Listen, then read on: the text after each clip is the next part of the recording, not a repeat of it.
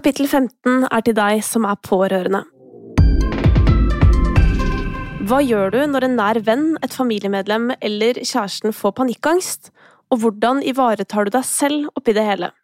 I dette kapitlet byr psykologen vår Karina Paulsen på mange gode råd til deg som er pårørende, og jeg må også innrømme at jeg, som et menneske med panikkangst, fikk veldig mye ut av denne praten her med Karina, for det er noe med hvordan vi kommuniserer med hverandre når vi blir ramma av noe som er vanskelig.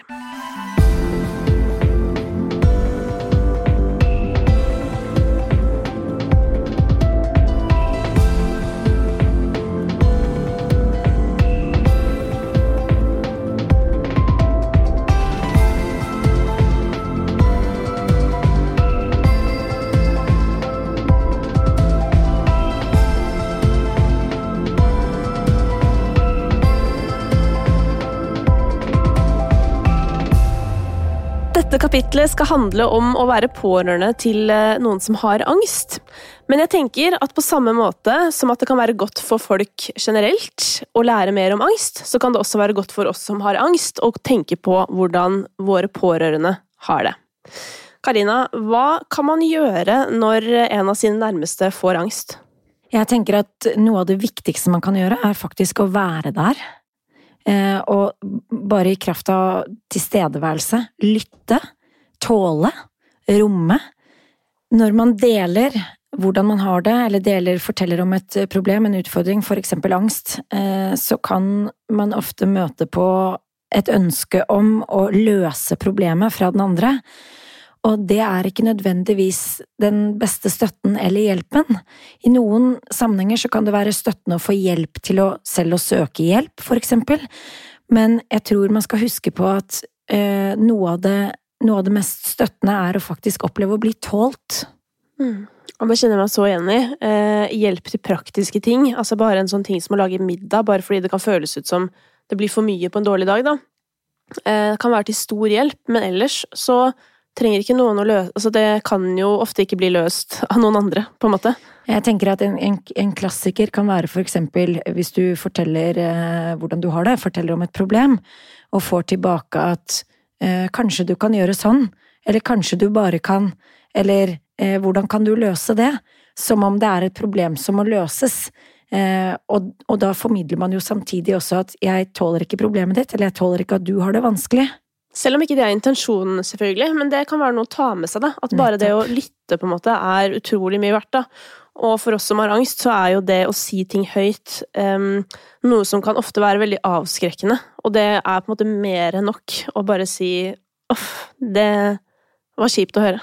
Ja, jeg tenker at det kan være veldig eh, nyttig og terapeutisk å bli møtt med 'fortell meg alt du går og tenker på'.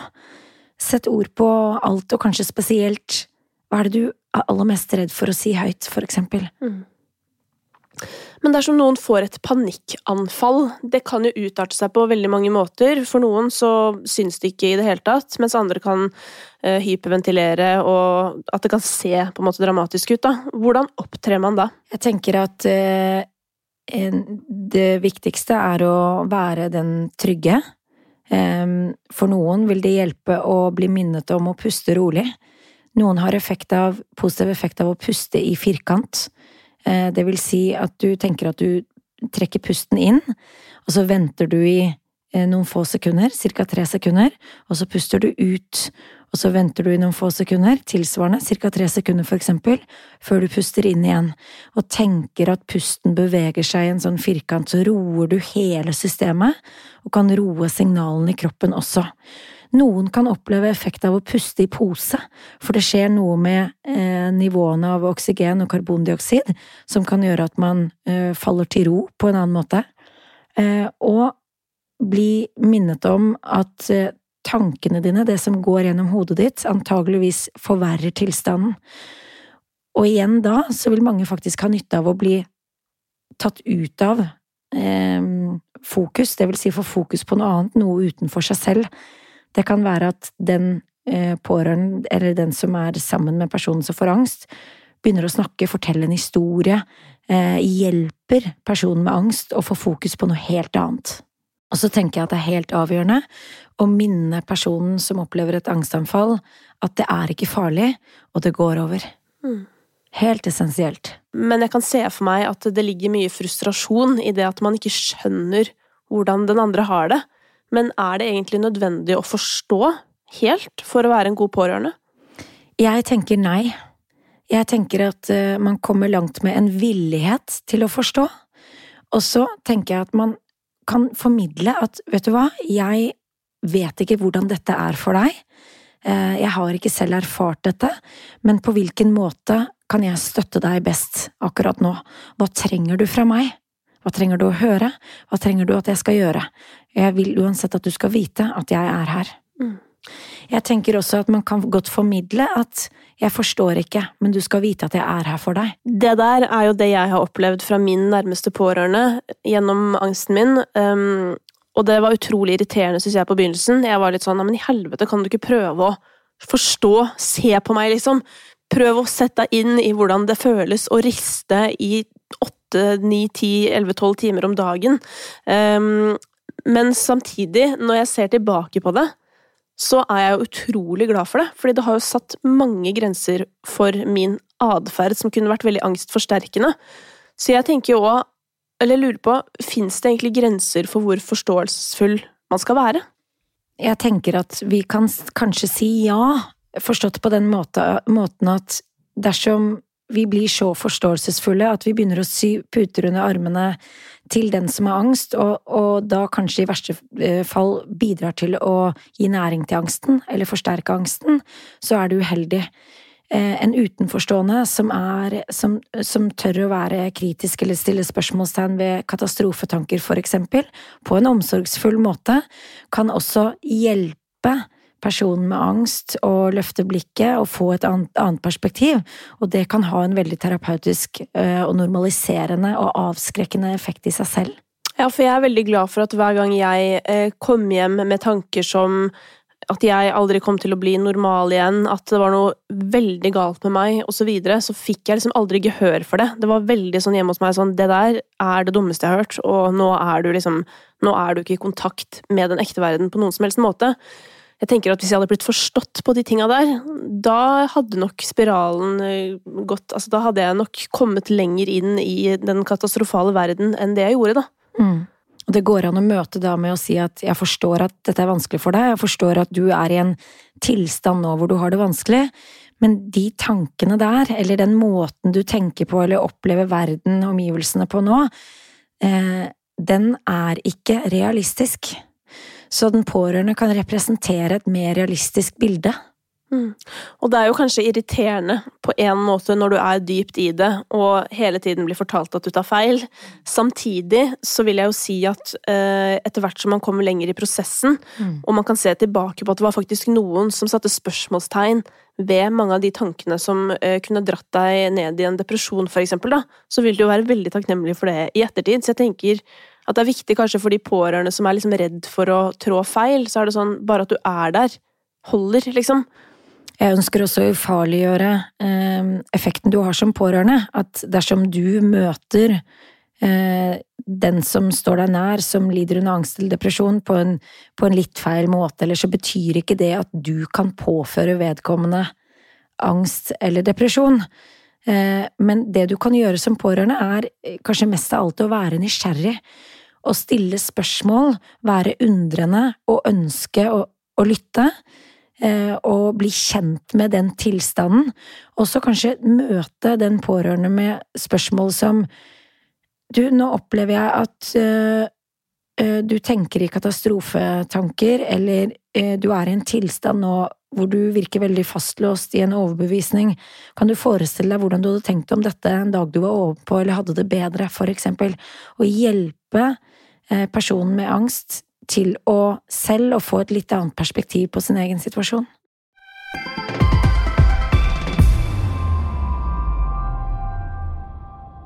Dersom man er pårørende til noen som bor langt unna, altså det gjelder jo mange foreldre der ute som kanskje har bar, altså barn som har, studerer i andre byer, eh, og jeg kan jo bare forestille meg den frustrasjonen man kjenner på som mor og far, som eh, vil så gjerne hjelpe barnet sitt, men er så langt unna.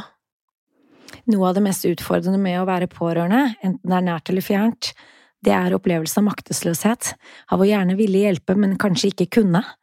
Um, og uh, igjen tenker jeg nysgjerrigheten stiller spørsmål, um, og, og, i mange tilfeller så kan det da være uh, til stor hjelp om den pårørende faktisk eh, kommer på besøk, um, involverer seg, er til stede, og at man kan snakke om på hvilken måte den pårørende kan være mest mulig nærværende, enten det er i form av telefon eller e-post eller tekstmeldinger eller, eh, eller Skype eller andre tjenester, eller om det er i form av å reise hjem til den personen som har det vanskelig.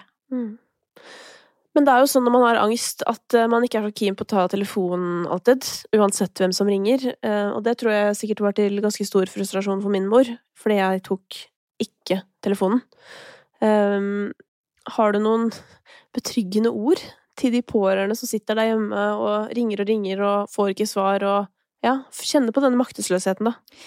Det kan jo for eksempel være å avklare litt sånn eh, kommunikasjonsplan. Mm.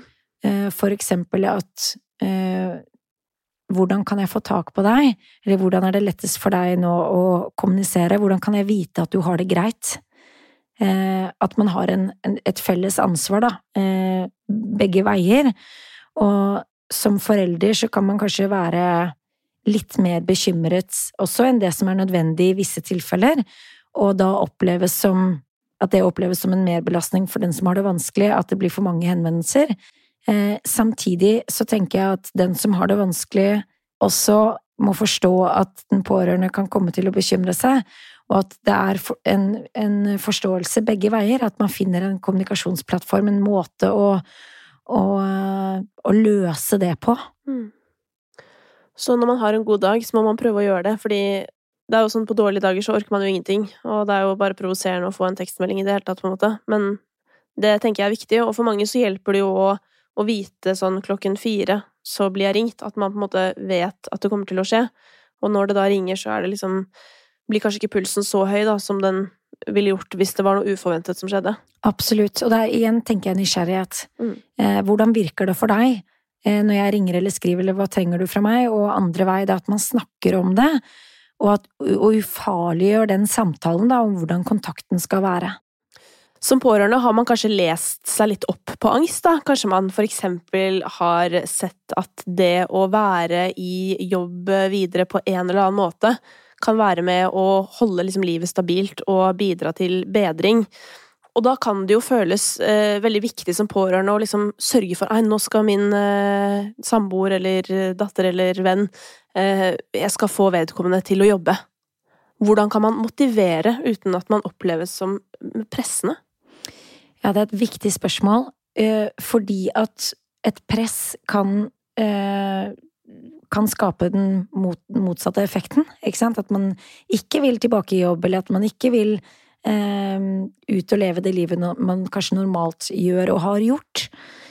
Eh, jeg tror at det er mye motivasjon i å gi autonomi, det vil si gi personen eh, ansvar for, for, seg selv også, og si at eh, Hva tenker du at er det beste for din egen situasjon nå? Hva ville du for eksempel sagt til meg hvis vi hadde byttet roller, hvis det var jeg som hadde det sånn som du har det nå, hva ville du rådet meg til å gjøre? Og på den måten så, så får man også personen med angst til å få et annet blikk på, på situasjonen og på seg selv, Eh, og på å ta eierskap og ansvar for sin egen situasjon, og det føles alltid bedre. Jeg tenker at vi mennesker har stort sett et ønske om å bestemme over oss selv. Selv om angst kan gjøre at vi vil ønske at andre bare skal treffe beslutninger for oss eller fortelle oss hva vi skal gjøre. Angsten kan oppleves som mindre farlig eller mindre skummel også i det øyeblikket man faktisk velger, treffer beslutninger og tar ansvar for seg selv, det er ikke ensbetydende med at man ikke får hjelp. Jeg tenker at det er mye ansvar for seg selv i å faktisk oppsøke hjelp og be om hjelp og ta imot hjelp. Mm. Og som et eksempel på det, så kan jo jeg trekke fram at jeg starta jo eh, for meg sjøl. Jeg starta firma eh, midt i min verste periode og tenkte at det var den dårligste ideen i absolutt hele verden. Men jeg gikk til en psykolog, og går jo fortsatt til en psykolog, som mente at nettopp det kunne være en veldig god ting å gjøre for meg da, fordi det kunne bidra til å snu litt om på tilværelsen min til det bedre. Å flytte fokus til noe annet, noe som kunne oppta fokuset ditt som var utenfor deg selv også.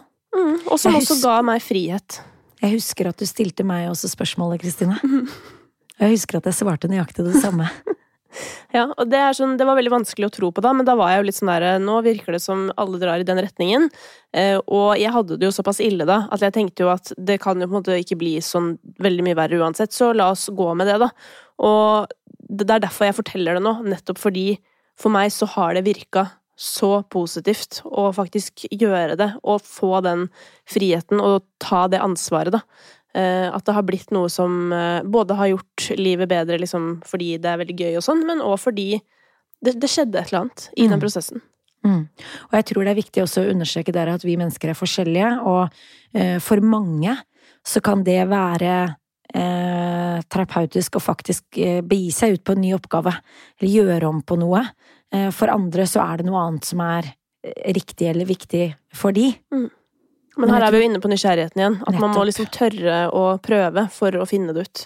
Og jeg tror at det er viktig å fokusere på hva man ønsker seg, hva man har lyst til, hva man drømmer om, og våge å gå med det, og så ikke angsten blir en bremsekloss, da, noe som bremser deg i å leve livet ditt på den måten du ønsker. En ting er å være pårørende for den som har fått angst. En annen ting er å ta vare på seg selv som pårørende.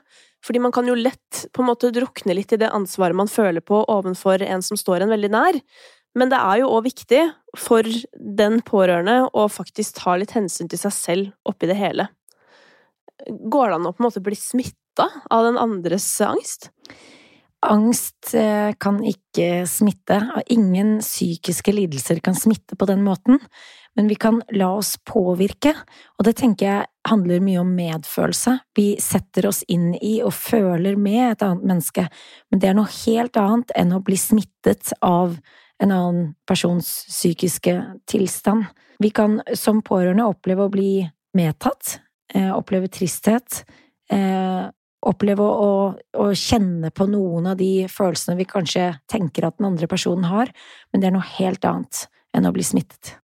En ting er jo at man blir trist på vegne av den andre, men man blir jo kanskje også litt trist på vegne av seg selv, fordi man kanskje hadde drømmer eller planer i et forhold sammen, eller i en familie, ikke sant, kanskje sånn, kanskje man skulle på en ferie man ikke får dratt på, eller det skjer liksom omveltninger, da, eh, og da kan man vel kanskje begynne å tenke sånn, hva hvis din nære aldri blir frisk? Mm. Hva hvis livet man hadde planlagt sammen, ikke blir som du hadde tenkt?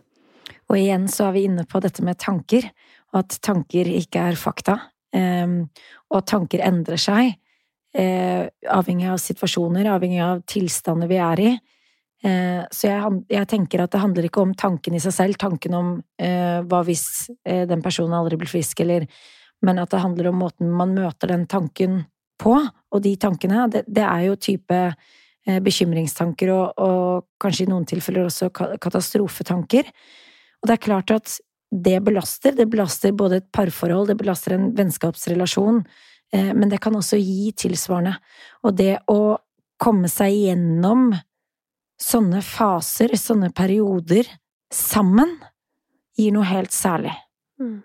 Den som har angst, kan jo ofte begynne å tvile på ting. Altså på det aller meste personlig tvilte jeg jo spesielt på forholdet mitt, eh, grunnet en rekke tvangstanker om det. Um, og jeg tenker jo at det verste som kunne skjedd da, er jo at da min samboer ble jeg sier smittet, ja, av tvilen. Fordi tvil kan jo være litt sånn smittende, hvis du for eksempel er i et venn... Altså slags, hvilket som helst forhold, da, og så sier den ene sånn at den ikke veit helt hva dette forholdet er, så blir det jo litt sånn åh, kanskje ikke det er noe for meg heller, ikke sant?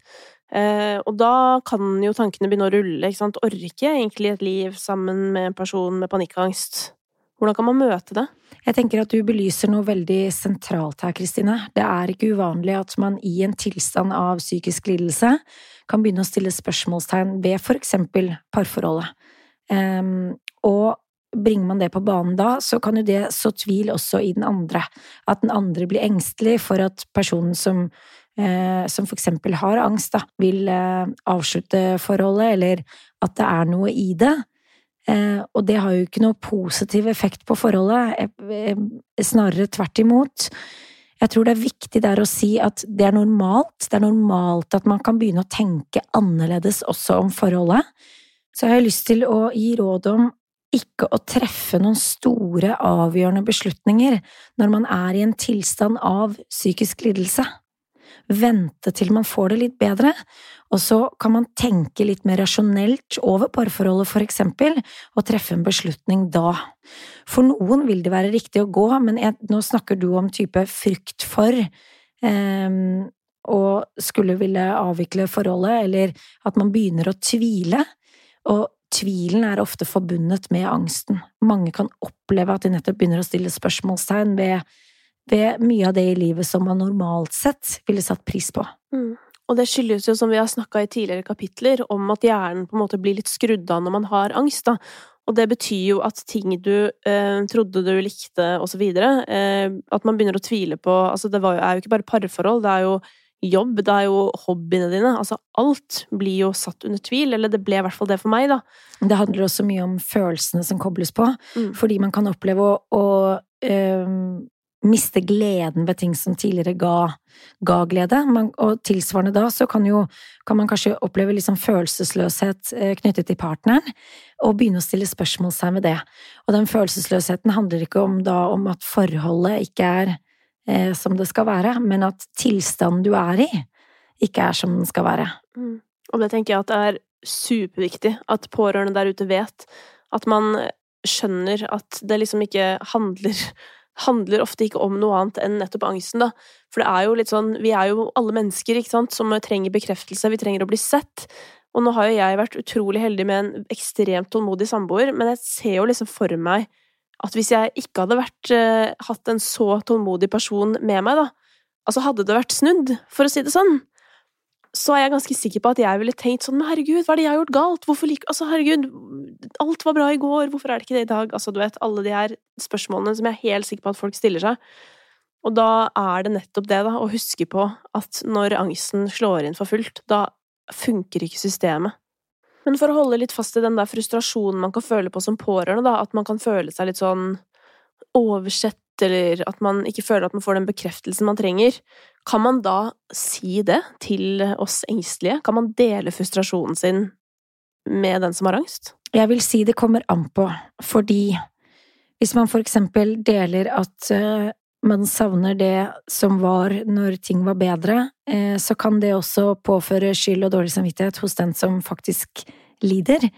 Eh, og i, de tilfellene vil det kanskje være mer hensiktsmessig at personen som ikke opplever angst, eller som ikke lider, faktisk oppsøker andre kilder til forståelse. At man enten kan, kan snakke med en god venn, en kollega, eller eventuelt få profesjonell hjelp hvis man føler at man trenger det. En å snakke med om sin egen frustrasjon, en å dele med, eh, som kan hjelpe og støtte i å komme, eh, komme seg gjennom, både for, både for, seg selv, men også for parforholdet. Noe av det jeg har lært da, gjennom den tida her, er jo egentlig det å si fra når jeg har fått nok av andres problemer.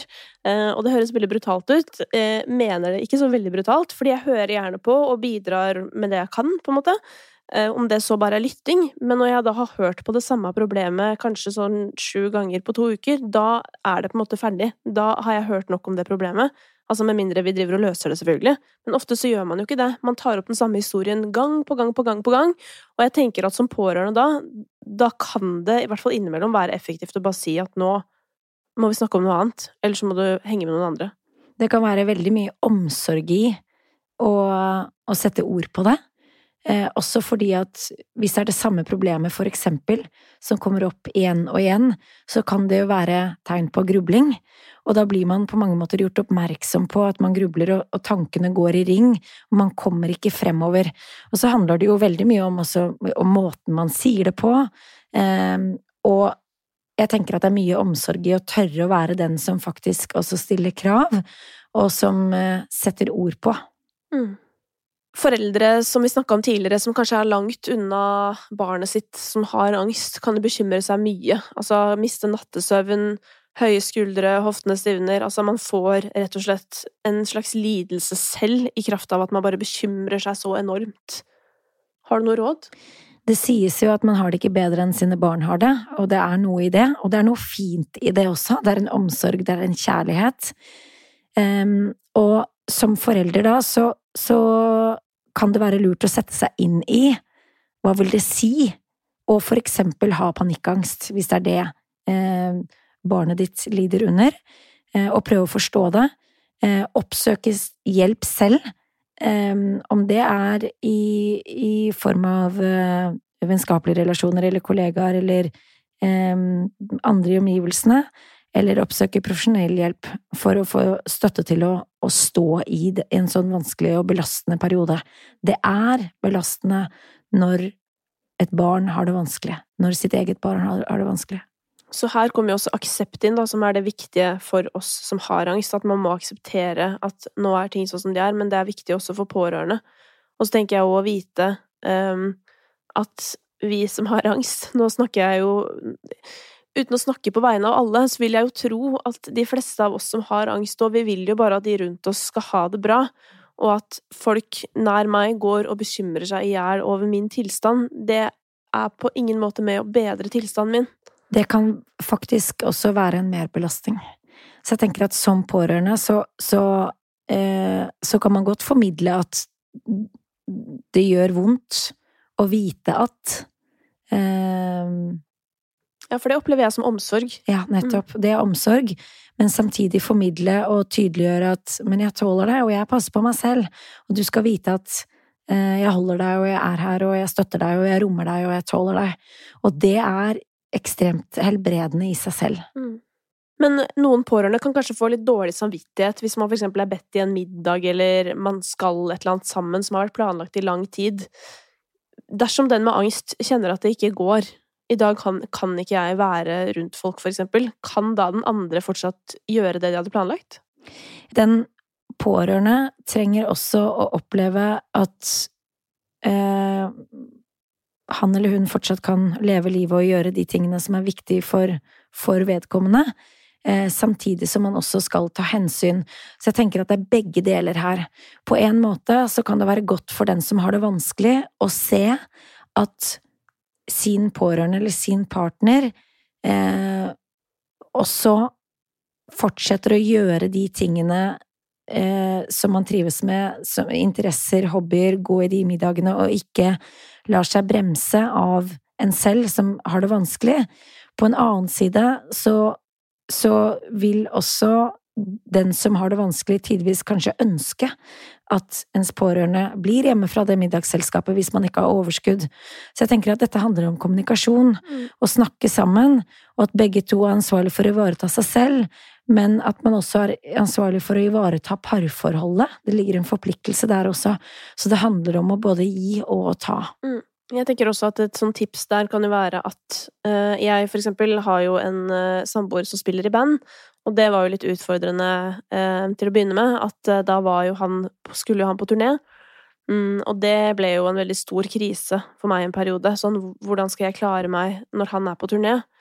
Men Eh, da begynte jeg liksom å tenke sånn, er det noen andre jeg kan alliere meg med i den perioden, som kan kanskje være til støtte, at jeg vet at hvis jeg får en full krise her hjemme, er det noen jeg da kan ha nær, i nærheten, noen jeg kan ringe, eller noen som kan komme, eller ja.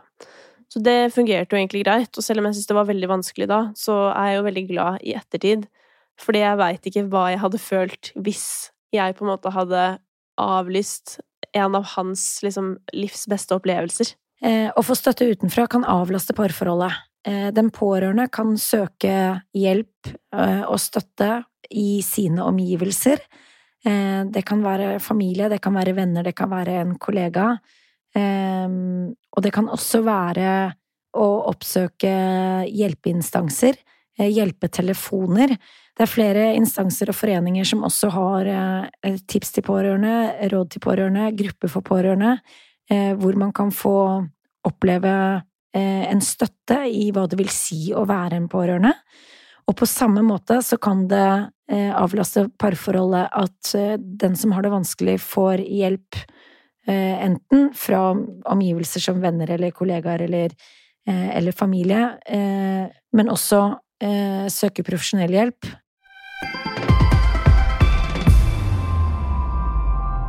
Helt til slutt, Karina. Kan vi oppsummere hva som er viktig når man er pårørende? La personen som har angst vite at han eller henne kan snakke med deg. Husk at personen som lider av angst, kjemper med hele seg for å håndtere den, så forsøk ikke å la din frustrasjon gå utover vedkommende, for eksempel ved å si at det er vel ikke noe å være redd for. Vis interesse, engasjer deg, eh, og gjør gjerne aktiviteter sammen, for eksempel. Er den som minner om at det finnes andre muligheter enn det verst tenkelige scenario ved en situasjon? For eksempel hva er det beste som kan skje, eller hva er mer realistisk? Sett grenser. Det kommer både deg selv til gode, og eh, er også til hjelp for personen som lider av angst. Aksepter at angsten ikke forsvinner over natten, det krever heller tid og gjentagelser. Å ta del i og synliggjør selv de minste fremskritt. Sist, men kanskje det viktigste, vær deg selv. Ikke gi opp dine egne gleder, seier og interesser, og dette er selvfølgelig til det beste for dere begge to.